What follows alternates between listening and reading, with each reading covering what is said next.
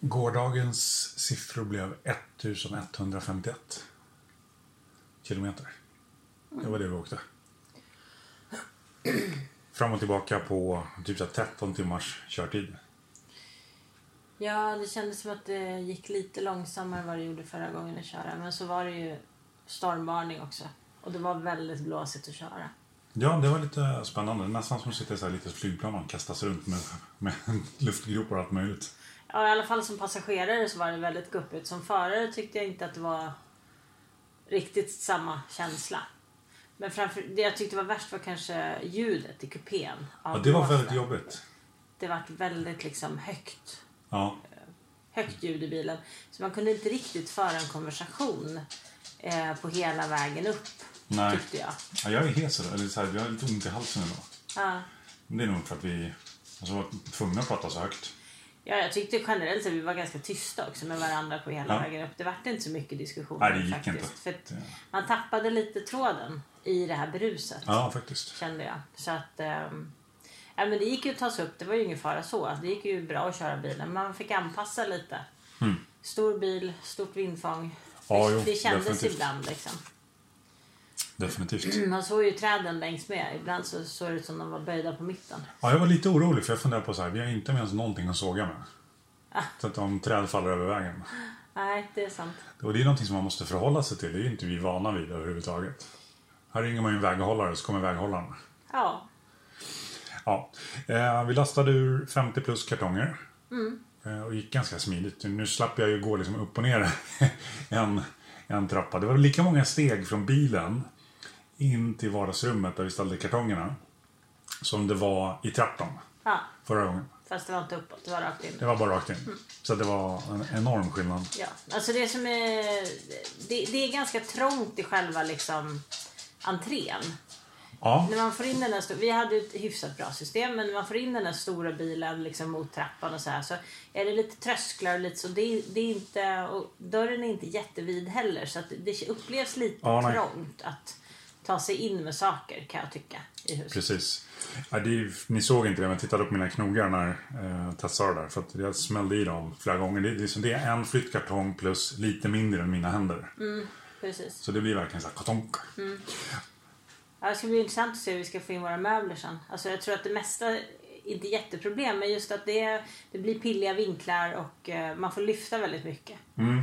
Du måste liksom in i köket för att vända för att sen in i vardagsrummet. Ja. Så vi kan inte riktigt fylla köket innan vi har fyllt vardagsrummet. Nej, och sen så måste det, om du ska upp på övervåningen så måste det också på något sätt vändas innan man liksom får upp det i trappen. Det är inte säkert att det går bara gå in och gå upp i trappen direkt Ja. heller. Så att, och det finns ju utrymme men som sagt det är tajt så man får helt enkelt planera lite hur man ska lyfta och bära. Precis. Huset, eller torpet, det är ju ett klassiskt Per Albin-torp. Och det, är liksom, det fungerar ju invändigt. Vi kommer ju renovera lite grann sådär. Men vad, vad ser du är det första du börjar med när vi kommer upp? Vad jag ska börja med? Ja, vad ser du liksom som så här, dina första projekt? Alltså, då måste jag ju säga att det, det jag gjorde när jag kom upp eh, till gården igår det var ju att faktiskt titta på huset för första gången och gå runt det. För där var det så himla lerigt och snöigt runt huset så jag har aldrig gått runt huset tidigare. Nej. Så att det jag gjorde igår var att jag gick runt huset och tittade på utsidan och sen så gick jag i huset när det inte var möblerat för första gången och tittade på insidan. Och då känner jag ju att fasaden måste kanske prioriteras, i alla fall i min värld. För Ja. att eternitplattorna, vi visste ju att, eller jag visste att några var trasiga för det hade jag ju sett på framsidan. Men det var större skador på baksidan. Eh, och när jag tittade så såg jag också fler som var spruckna och trasiga. Mm. Ja, de större skadorna, det är när man kastar in, eh, när man förr i tiden kastade in veden in i källaren. Ja, precis. Och det verkar ju, precis som du hade konstaterat tidigare, så verkar det inte som att fasaden under, eller det trävirket under, verkar inte vara skadat sådär direkt. Nej. Och vi har ju ingen mögellukt någonstans överhuvudtaget. Det kändes ju torrt och sådär. Så att det är nog ingen panik på det sättet, men det känns som att det är kanske där jag vill börja för att känna att eh, inte fasaden heller blir värre. Faktiskt. Jag är lite inne på växthus, men jag vet inte. För att om man skaffar ett växthus vill man ju stoppa in massa plantor i det. Och så stoppar vi in massa plantor i växthuset. Då måste vi ha utrymme sen och plantera ut dem när vi väl har... Alltså när det är dags att skolas om. Ja. Och har man inte det då, då är det ju liksom, då är det ju bortkastat på något sätt. Då har man ju dödat en växt bara för att man inte gjorde i ordning innan. Ja, det beror lite grann på hur mycket man driver upp i växthuset. Till viss del ska man ju ha säkert en del plantor kvar i växthuset men jag kan tänka mig att man driver upp säkert många gånger mer egentligen än vad man faktiskt skulle få plats med som, som stora plantor i växthuset. Så det blir ju ändå till att kassera ganska mycket. Definitivt. Helt rätt känns jätteonödigt. Ja, så det, känns så viktigt på något sätt. Och liksom, ett av mina första projekt det blir nog att liksom stega upp tomten ordentligt. Så vi ser liksom, vart har vi hörnen någonstans? Var, var har vi möjlighet att odla? Eh, och sen är det ju liksom att göra i ordning så att vi kan odla. Nu ligger det ju 5-ish centimeter is. Mellan 5 och 10 snö med skare skulle jag säga. Ja.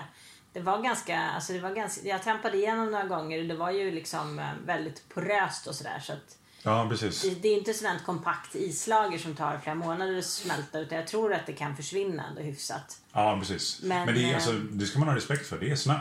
Det är snö och, och, och det gör ju att vi fortfarande inte riktigt ser marken. Nej, precis. Det slog mig för att vi körde ju förbi några åkrar som var, som, där jag sa att de hade kommit igång med vårbruket. Ja, Men jag kom på det i efterhand att jag tror inte att det är det. nej, Jag tror att det är liksom höstplöjningen som du ser. som vi ser nu. För det, det stämmer inte med att de skulle ha så pass... Eh, att tjälarna gått ur så pass mycket att de kan plöja nu när det ändå liksom ligger snö kvar. Alltså jag, kan, jag kan inte riktigt avgöra. Jag tyckte väl att några utav dem såg lite nyplöjda ut. Man, jag tycker man brukar kunna se på jorden om den är vänd hyfsat nyligen eller inte. Men, eh, men å andra sidan så håller jag med. Eh, att det kanske tidsmässigt är lite för tidigt för att de ska ha hunnit komma igång. Ja, Men jag vet inte. Det, det kanske skiljer väldigt mycket beroende på var man befinner sig i de områdena. För vi såg ju några sluttningar som var väldigt snöfria och väldigt soliga. Mm. och andra som var liksom tjockt snölager på. Ja, så det kanske är så att på vissa ställen har de precis kunnat börja för att där kanske kärlen inte går djupt, lika djupt ner på vintrarna som på andra ställen heller. Det vet man Nej, inte. ja, det vet man inte. Ett av mina nästa projekt som jag ser som viktigt det är liksom att etablera någon form av social närvaro i, i, i byn. Så, prata med grannar. Bara ta en kaffekorg och gå över och liksom sätta sig och prata med dem. Eh, vi har ju några grannar som man liksom ser från vårt hus. De behöver vi prata med först. Och sen gå med i byalaget och jaktlag och liksom hitta... Börja liksom vara en del av gemenskapen. Det tror jag, alltså det ska man inte, för, det ska man inte förringa därför att det är så hemma där man bor, då känner man alltid någon som känner någon. Men nu blir hemma där vi bor på ett ställe där vi inte känner någon. Sant. Och det här är ju liksom, det är en, det är en sak som gör omställningen så mycket mer skrämmande. Tycker jag. För liksom man måste ro, man måste rycka upp sig själv och så har man inga rötter och inga, ingen kontaktnätverk och så ska man liksom hitta allt det på ett nytt ställe. Så det kommer jag nog lägga ganska mycket energi på att fram tills dess att vi kan börja bereda marken. Alltså jag, jag vet inte riktigt om jag orkar engagera mig i folk det första jag gör. För att jag är så trött i mitt huvud jämt. Så jag tänker att bara den här processen med att flytta och eh, börja med de projekt jag vill börja. Jag kanske inte riktigt orkar med andra människor i början. Men, Så kan det vara. Det kan vara så för mig också, men det är min ambitionsnivå. Ja, men det är jättebra. Och det, rent krasst så räcker det om en av oss börjar. Ja. Vi måste ju inte börja tillsammans. Nej, och det kan ju vara liksom att ta en granne i veckan. Ja, absolut. Där, oh, där har jag ju nästa så projekt som jag kom på nu. Conn-Marie! Yay! Ja, Eh, jag är helt kär i, i hennes metoder. Does it spark joy? Ja precis. Eh, där, alltså, vi, vi kan ju inte göra som man ska göra på riktigt när man Conn-Maria. Det vill säga att man samlar alla prylar i en kategori och går igenom dem. Kan kan vi väl. Frågan är om vi är villiga att göra det. Ja, ja, ja jo, självklart. Det går ju alltid. Men det är sådär, då måste vi packa upp 90 kartonger. Ja. Och liksom, det, jag orkar, det orkar inte jag, det känner jag på en gång. Nej. Men att ta en kartong i taget och säga liksom så här. För min del kommer jag att göra så att liksom, ta en kartong. Är det här någonting som behöver vara kvar? Vad har jag för minnen? Och så är det någonting bra, då får den bo kvar. Och är det någonting som det inte är så, då... Jag vet att jag, ju, alltså jag har ju rensat mina kläder något enormt. Ja. Så det är väl så t-shirtar som jag fick från gården förra året. ja. Det är sånt som skulle kunna slängas. Annars så finns det i princip ingenting. Nej, alltså det, det där är så varierande. Vi har kopiöst mycket kartonger. Men alla kartonger är långt ifrån fulla.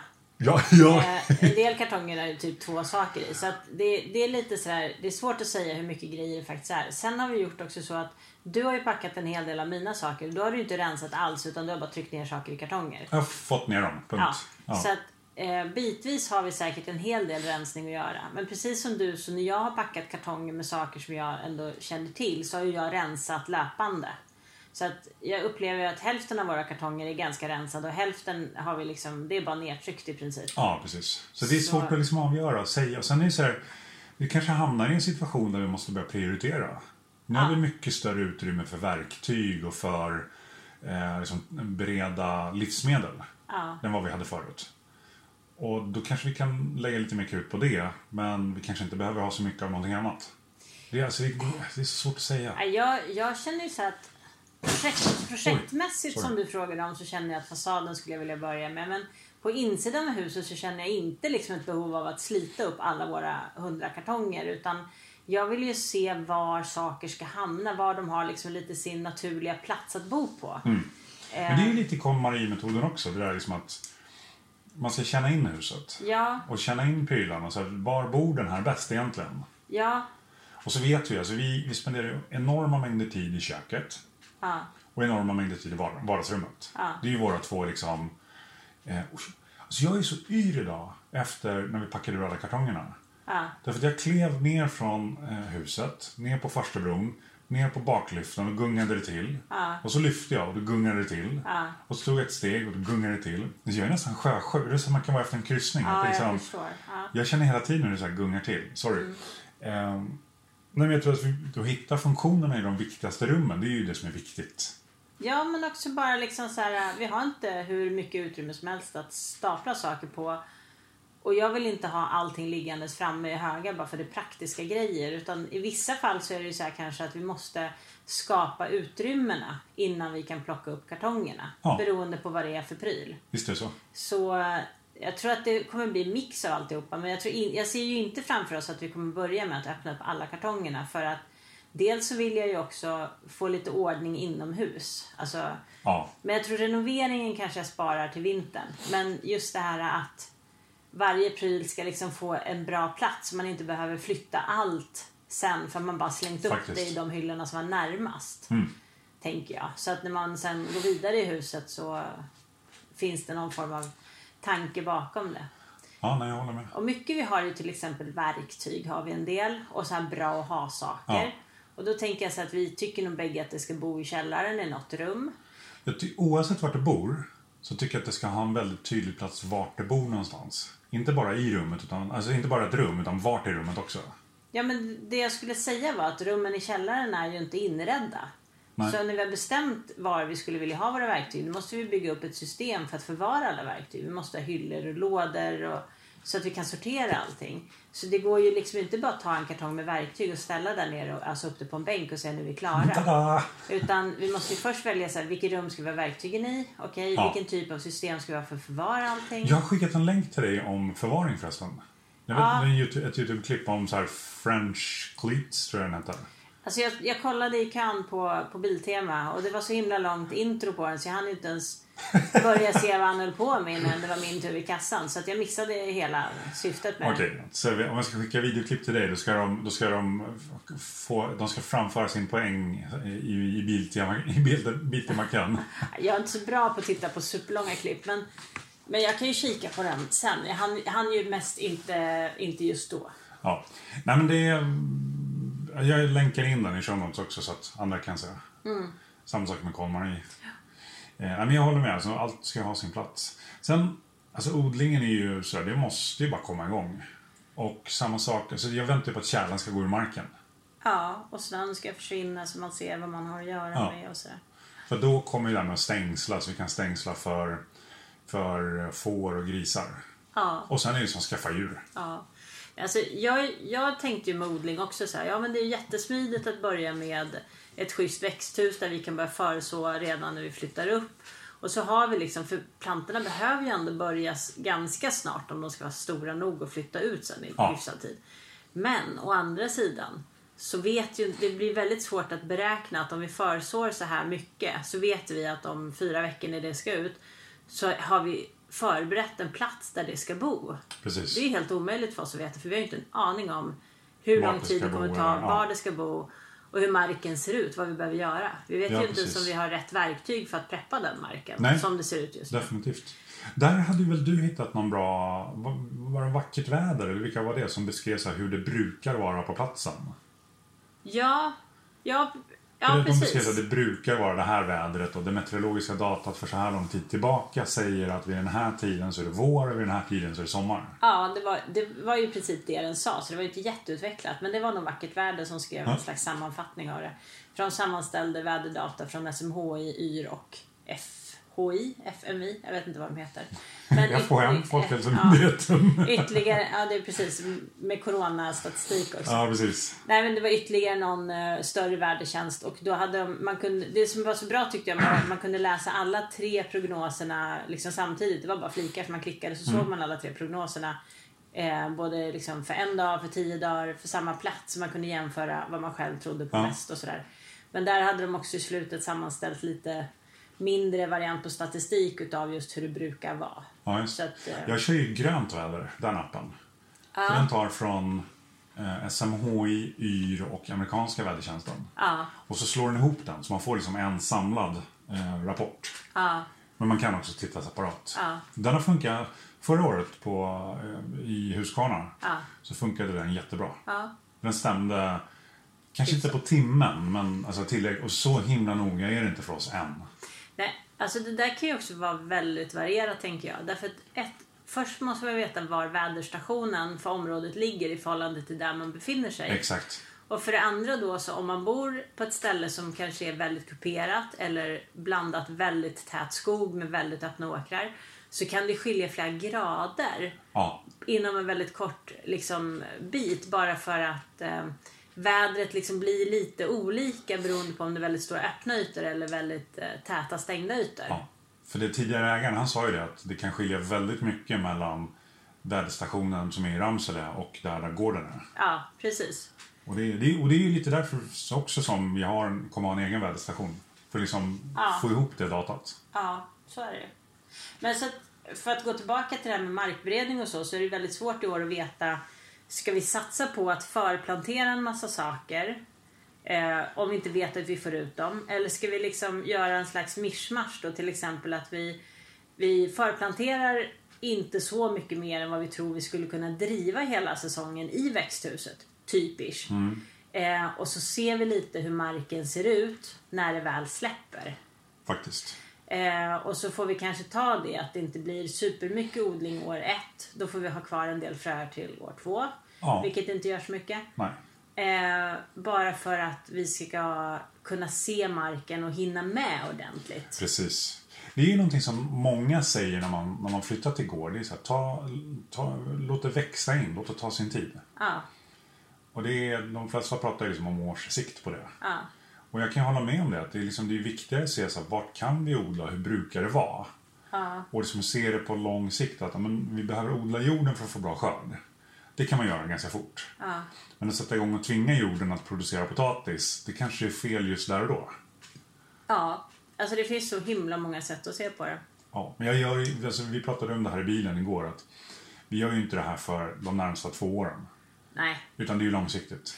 Ja, alltså tanken är ju inte att vi ska flytta ut och leva på bara det vi själva producerar. För det kommer ju inte hända de närmaste åren. Nej, alltså tar man det på tre års sikt så är det liksom, det är nu vi bygger upp för att kunna leva på det vi gör. Ja, precis. Men, eh, men det jag tänker att vi borde hinna med i år som inte kräver ett växthus, det är ju eh, att odla den här grönmassan. Ja. Därför att den kommer ju inte försås någonstans. Nej. Utan där behöver vi liksom, jorden behöver bli fri så vi kan se hur vi ska jobba med den och sen behöver vi så så att det börjar växa. Ja. Och i värsta fall kanske det går bara att slänga ut som det är och så får det växa. Ja. Och så växer det kanske inte superbra men sen Nej, men får man plöja det som ner det liksom. Ja, Eh, för att det är det vi hinner med. Och så kan vi samla ihop lite foder till, som blir till hö, så vi har foder till djuren. Ja, precis. Och så får det lite vara så. Och då, I den tanken så skulle det funka ganska bra att börja med ett växthus men också planera för att kanske ha säsongen i, i växthuset Ja, i precis. princip. Och sen om man hinner få ut några grejer på backen så är det en bonus. Men man kanske inte ska förutsätta att det går. Nej. Nu ska jag säga, bara så här, det är ju skillnad på växthus och odlingstunnel också. Ja, det är det ju. Eh, bara dra hur vi, eller inte säga kort, men du, du, när vi säger växthus så menar vi faktiskt ett växthus. Det vill säga någonting som höjer temperaturen väsentligt där, där det står. Som Ja. är gjort i en per, permanent installation av plexi, typ. Ja, det är någon form av så här, som släpper igenom solljus. Ja, alltså, ja, precis. Det, är i alla fall, det vi har tittat på är ju inte ett växthus som vi kommer flytta runt sådär supermycket. Nej. Det går ju säkert att flytta, men tanken är väl att vi ska hitta ett bra ställe där det åtminstone kan stå ett tag. Ja. Och där vill man kanske ha också så att man kan ha ankorna så att de har lätt att gå in och ut och har höns som har lätt att gå in och ut också. Ja, ehm, man får ju börja någonstans. Sätter man växthuset så får man bygga runt det. Ja, precis. Eller så sätter man hönsen och bygger runt det. Alltså det. Där har vi lite det där att vi har ju inte en aning om hur våra tomtgränser går. Nej, så- det är väldigt svårt att se det som det är idag. Så s- idag när vi var uppe igår så kunde vi inte avgöra var vår tomt var överhuvudtaget. Vi kunde ju säga åt vilket håll den troligen gick. Ja, alltså nord-sydlig riktning går ju, men det är, så det är bara vitt.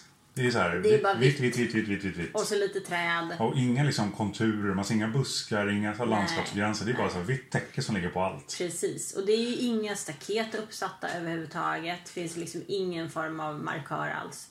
Så att det där är lite så att det är, det är väldigt svårt att bestämma då var ska vi sätta en sak som kanske ska stå permanent om vi inte har en aning om den hamnar i mitten eller i ett hörn eller... Ja, jag vet. liksom. Det är, och det är därför jag gör det så teoretiskt, eller så översiktsaktigt i, i dokumentationen. Ja. Så att man verkligen får så här, men vi, vi ska ha en kvadrat, eh, eller fyra kvadrater som är 12,5 meter var. Ja. Okej, hamnar de på längden efter varandra eller hamnar de som en, liksom en, äh, blir de en rektangel totalt eller blir de en fyrkant totalt? Ja, nu sa inte du vad det är för kvadrater du pratar om alls. Du sa bara att vi ska ha fyra kvadrater. Ja, odlingskvadrater. Ja. Med traktorväg så att den är liksom lätt att komma åt oavsett om man kör traktor eller oxe. Och det är så, ska man bygga liksom, det är så mycket som man måste tänka på när man gör det så det är ingen idé att göra det innan vi liksom ser marken. Nej.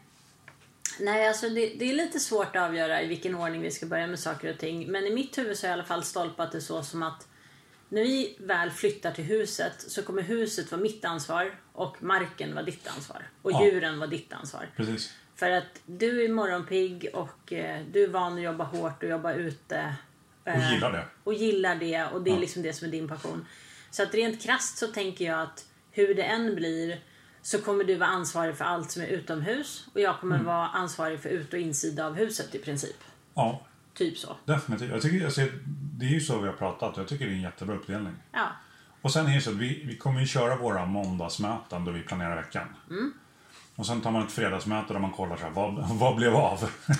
och Ja. dokumentation, kanske poddavsnitt, blogg, eh, videogrej. Ja, Det ska bli hela, hela faderullan tänkte jag. För Mm. Får jag bara jag fortsätta med planeringen? Ja, tänkte jag, för jag ville få med den. Så man har, sen varje morgon så har man ett morgonmöte där man planerar dagen. Ja. För då kan man liksom, baserat på vad, vad man sa på måndagen så kan man pytsa ut det på alla dagar. ja, Och sen den första i varje månad så har man ett månadsmöte. ja, Där man tittar på så här, men på stort, vad behöver vi göra den här månaden? ja. Men vi det finns alltid saker som man vet vad man behöver göra. Och sen på kvartalet, vad behöver bli gjort det här kvartalet? Alltså det låter bra. Sen om det är kompatibelt med mig, det kan jag inte svara på. För du har ju redan gjort den här typen av möten och strukturerat upp Mm. det. Jag är inte så strukturerad när det kommer till sådana saker. Nej, men det är ett Så- bra sätt att liksom så bara lufta idéer och så synka.